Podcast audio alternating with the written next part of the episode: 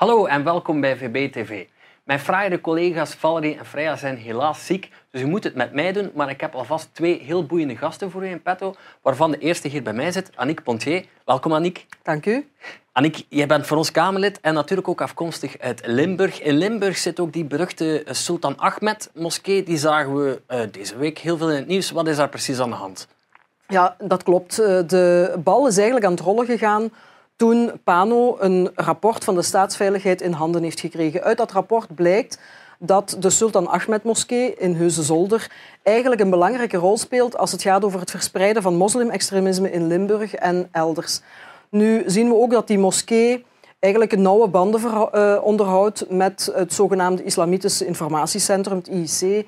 Uh, dat is een, een fundamentalistische organisatie eigenlijk die jongeren indoctrineert op met hun uh, ja, toch wel controversiële standpunten over vrouwen, over homo's en um, allerhande uh, ja, andersgelovigen en, en dergelijke. Um, een pikant detail in het hele verhaal. Aan het hoofd van die moskee staat uh, Mehmet die ook wel heel frappant naar voren komt in het rapport van de staatsveiligheid.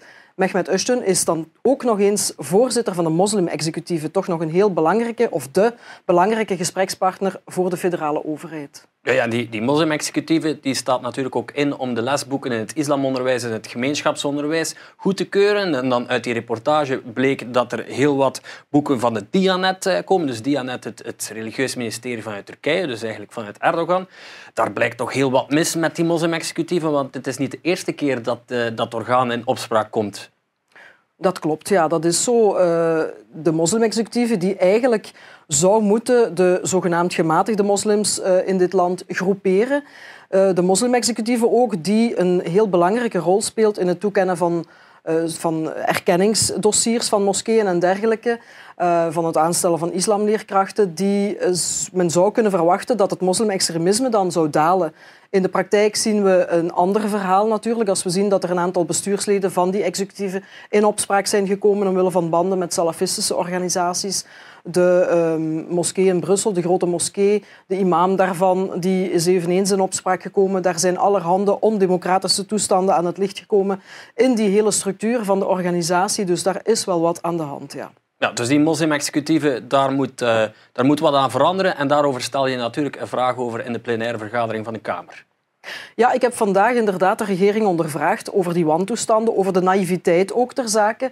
Want uh, we kunnen wel zeggen namens de Vlaamse regering, en onze Vlaamse fractie heeft daar gisteren nog wel terecht ook een lans voor gebroken, dat die Vlaamse regering om, door die subsidies van die moskeeën probeert om meer uh, ja, een vinger aan de pols te houden, om meer controle uit te oefenen ook. Maar in de praktijk is dat allerminst het geval. We zien in tegenstelling daarvan dat de Vlaamse regering door die subsidiëring alsmaar meer ja, voer geeft aan die organisaties en ze nogmaals nog eens versterkt. Ze geven ze bij wijze van spreken een Porsche in plaats van een Fiat om zich op die manier nog meer uit de bocht te laten rijden. Dat is een evolutie die wij allerminst uh, ja, tegemoet, graag tegemoet zien. En wij willen dus dat die subsidiekanalen opdrogen, dat de erkenning van de moskee in Heusden-Zolder ook onmiddellijk wordt ingetrokken en dat de federale overheid eindelijk stopt met die moslim-executieven als legitieme gesprekspartner te zien, want daar eh, is absoluut geen toekomst voor. Dat is heldere taal natuurlijk en ik heb er alle vertrouwen in dat Aniek en haar collega's daar werk van zullen maken in de Kamer. Dat brengt ons natuurlijk naadloos over naar het onderwerp van onze reportage en Kortrijk, waar Wouter Vermeers al even een succesvolle strijd voert tegen de bouw van de grootste moskee in Vlaanderen. Maar die strijd is nog niet gestreden.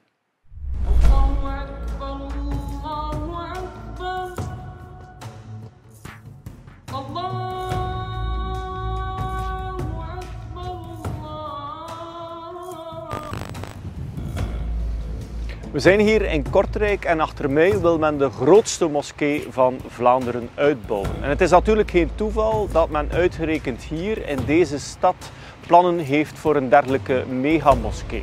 In het Kortrijk van Vincent van Quickenborne, de man die zogenaamde haatspraak wil verbieden en vervolgen. Herinner u dat eerder dit jaar vier moedige Vlaamse militanten werden veroordeeld omdat ze een spandoek bij hadden waarop stond stop islamisering.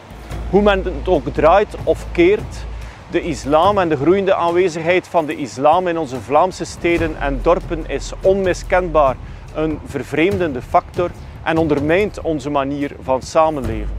Van Quickenborne, de NVA en de andere partijen hier willen deze moskee doorduwen zonder inspraak. Nadat vele honderden bezwaarschriften werden ingediend en zonder duidelijkheid over de financiering van dit miljoenenproject.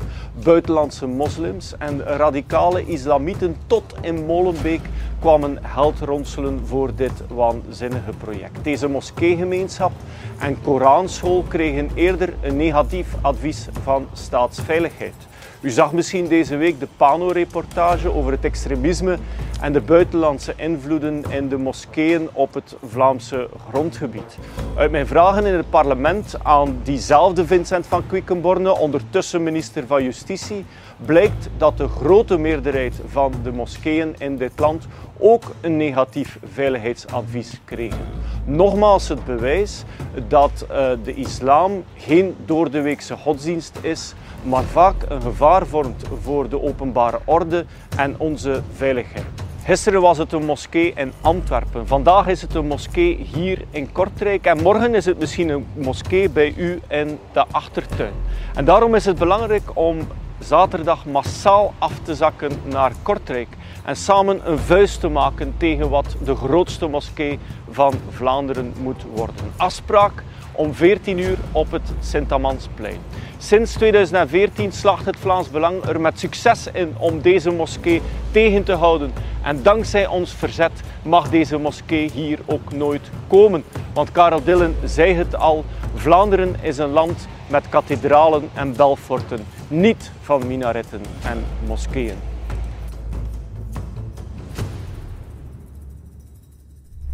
Ik zal er zeker zijn en ik hoop u ook. Intussen is mijn tweede, tweede boeiende gast hier, Hans Verrijt. Welkom, Hans. Dag, Jonas. Hans, uh, je bent natuurlijk Kamerlid en uh, in die hoedanigheid, ja, ik moet het u eigenlijk niet, niet vertellen, maar veel Vlamingen die zien intussen als sneeuw zijn de zwarte, de energieprijzen, die swingen de pan uit. Intussen zou de regering daar zo gezegd iets aan willen doen, maar men, koppelt dat aan de begrotingsinspanning die deze week of dit weekend zou moeten landen. En intussen zit daar nog ook een, soort van relanceplan of, of een herstart- en transitieplan in. Kan jij even dat kluwen voor ons uh, ontwarren? Ja, zeker, Jonas. Op zich is dat redelijk traditioneel. Begin oktober, wanneer de State of the Union van de premier in de Kamer wordt aangekondigd, dan komen alle grote dossiers op tafel. Uh, alle ministers proberen hun dossier uh, mee eraan te koppelen, ook in de begroting te krijgen. Want zit het niet in de begroting van 2022, dan kan het volgend jaar ook niet gerealiseerd worden. En daarbij komen dit jaar twee specialetjes uh, erbij. Enerzijds hebben we de relance na de coronacrisis. Stilletjes aan komen uit die crisis en is de relance volop bezig. En twee, de energiediscussie alle mensen zien hun energiefactuur uh, spectaculair stijgen. En ook het voorbije periode ben ik zelf als, uh, als volksvertegenwoordiger een paar keer gecontacteerd. Ik heb een aantal van die voorstellen van energieleveranciers, nieuwe voorstellen, nieuwe voorschotfacturen bij. Ik heb hier een, een dossier van, van Guido, gepensioneerde uit Mortsel. Die ziet zijn factuur, de voorschotten stijgen met 1100 euro per jaar. Ik heb ook een, een oudere dame, een weduwe uit Boom, die woont in een ouder, kleiner huisje. Maar ook zij ziet haar factuur met 970 euro per jaar stijgen het zijn niet enkel oudere mensen, ook uh, mensen in een recentere woning. Een koppel dat ik ken in, in Lint, Dave en Vanessa. Uh, ze hebben een groter huis, weliswaar met zonnepanelen op het dak. En ook zij zien hun factuur met 800 euro per jaar uh, stijgen. En dat is natuurlijk zo met een massa Vlamingen. En ik denk dat we daar iets moeten aan doen. En, um, en voor het Vlaams Belang is dat duidelijk. Hè. We moeten die energiefactuur doen dalen door enerzijds de BTW te verlagen van 21 naar 6 procent. En anderzijds moeten we daar een hele hoop heffingen uithalen. Want u weet dat maar 35 procent van de energiefactuur uh, echt over elektriciteit gaat. En al de rest zijn extra belastingen, extra heffingen die zowel de Vlaamse als de federale uh, regering legt op die energiefactuur. En daar moeten we komaf mee maken. En dat komt natuurlijk allemaal samen met inderdaad die grote plannen, de, de hervorming van de arbeidsmarkt, de begroting die eraan komt, maar ook heel wat investeringen die worden aangekondigd. Ja, want die investeringen en die oplossingen die je daarnet aanhaalde, ik neem aan dat de regering iets anders wil doen, of wat zijn zij nu eigenlijk precies van plan wat is er al duidelijk? Oh, wat al duidelijk is voor de energiefactuur, minister Van Petegem, CD&V-minister voor Financiën, die heeft al aangekondigd van een btw-verlaging kan geen sprake zijn. Hij wil dus het luxe tarief van 21% behouden op elektriciteit. En uh, van de andere zaken zijn er heel wat ballonnetjes opgelaten. De voorbije week hebben we discussie gehad over de vier dagen werkweek. We hebben het debat gehad over over het afschaffen van het ziektebriefje. Wij hebben de aankondiging van minister Dermin gehad die tal van investeringen wil doen in zogenaamd rond de klimaat en, groene investeringen, de hervormingen van slimme rijstroken, investeringen in uh, fietseninfrastructuur, uh, waterstofnetten en dergelijke meer. En voor tal van die zaken er is wel iets te zeggen, maar natuurlijk waar men over zwijgt en waar de PS altijd over zwijgt, is wie de factuur gaat betalen. En daar gaat het natuurlijk over, want voor de PS is dat duidelijk. Voor de PS is dat de Vlaming en de Vlaamse gemeenschap die de factuur gaat betalen, maar dan voor het Vlaams Belang is dat dan toch wel no passerand. Ja, in plaats van een relanceplan lijkt het erop alsof men eigenlijk de Vlaming en Vlaanderen nog wat dieper in de put uh, wil duwen. Ja, natuurlijk. Het is Onkelings, uh, Lorette Onkelings, uh, oude corifee van de PS, die vroeger altijd heeft gezegd België blijft bestaan zolang dat de melkkoe Vlaanderen nog melk blijft geven. En het is natuurlijk maar de vraag... Allez, en ook tegelijkertijd, voorbije week nog, was het Bart de Wever die zegt met Magnetten, met de PS gaan we de grote hervormingen doen aan uh, welke hervorming hij dan denkt als diezelfde PS permanent de factuur blijft doorschuiven naar Vlaanderen, uh, dan mag hij mij toch een keer komen uitleggen. En voor het Vlaams Belang is het wel duidelijk. Ik denk dat we inderdaad uh, de Vlaming en de Vlaamse gemeenschap extra zuurstof moeten geven. Dat kunnen we onder andere doen door het verhogen van de belastingvrije som. Waar denken we, het Vlaams Belang denkt eraan om van 9.000 naar 12.000 euro te gaan. en dat zou extra zuurstof geven voor iedere werkende mhm. Vlaming. twee, we denken eraan om de tweede schijf van die belastingen van 40 naar 30 procent te verlagen. Als we dat doen, betekent dat ongeveer 150 euro uh, extra netto per maand uh, voor ieder die werkt. En drie, de pensioenen. Het Vlaams Belang wil de pensioen, uh, pensioenen optrekken naar 1500 euro netto.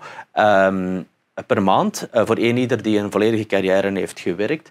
En ik denk dat dat drie zaken zijn die inderdaad de, de, de, de de financiële ademruimte van de Vlaming kunnen vergroten. Maar die kosten geld. En dat is het mhm. tweede stuk van de oplossing natuurlijk. Waar haalt het Vlaams Belang dat geld? Enerzijds zijn er natuurlijk nog altijd transfers van het noorden van naar het zuiden van het land. Ongeveer tussen de 7 en de 12 miljard per jaar. Twee, denken we er ook aan om de sociale zekerheid voor nieuwkomers, voor nieuwe immigranten te beperken. Wij willen die sociale zekerheid enkel toekennen aan degenen die er hebben aan bijgedragen. Dat betekent ongeveer 1 miljard euro. En dan is er natuurlijk, dan moeten we ook naar onszelf, naar Vlaanderen kijken, naar de Vlaamse regering kijken, naar de regering Jan Bon kijken. Die regering heeft er werk van gemaakt dat er ongeveer 13 miljard euro hmm. per jaar via subsidies wordt uitgedeeld. En ik denk dat daar toch nog heel wat vet op de soep zit. Ja, dat denk ik ook. Dat zijn heel heldere adviezen. Ik hoop dat de systeempartijen eh, er alvast iets mee doen. Wij gaan verder aan die kar trekken. Aan u, beste kijker, onze aflevering zit erop. Alvast bedankt voor het kijken en tot de volgende keer.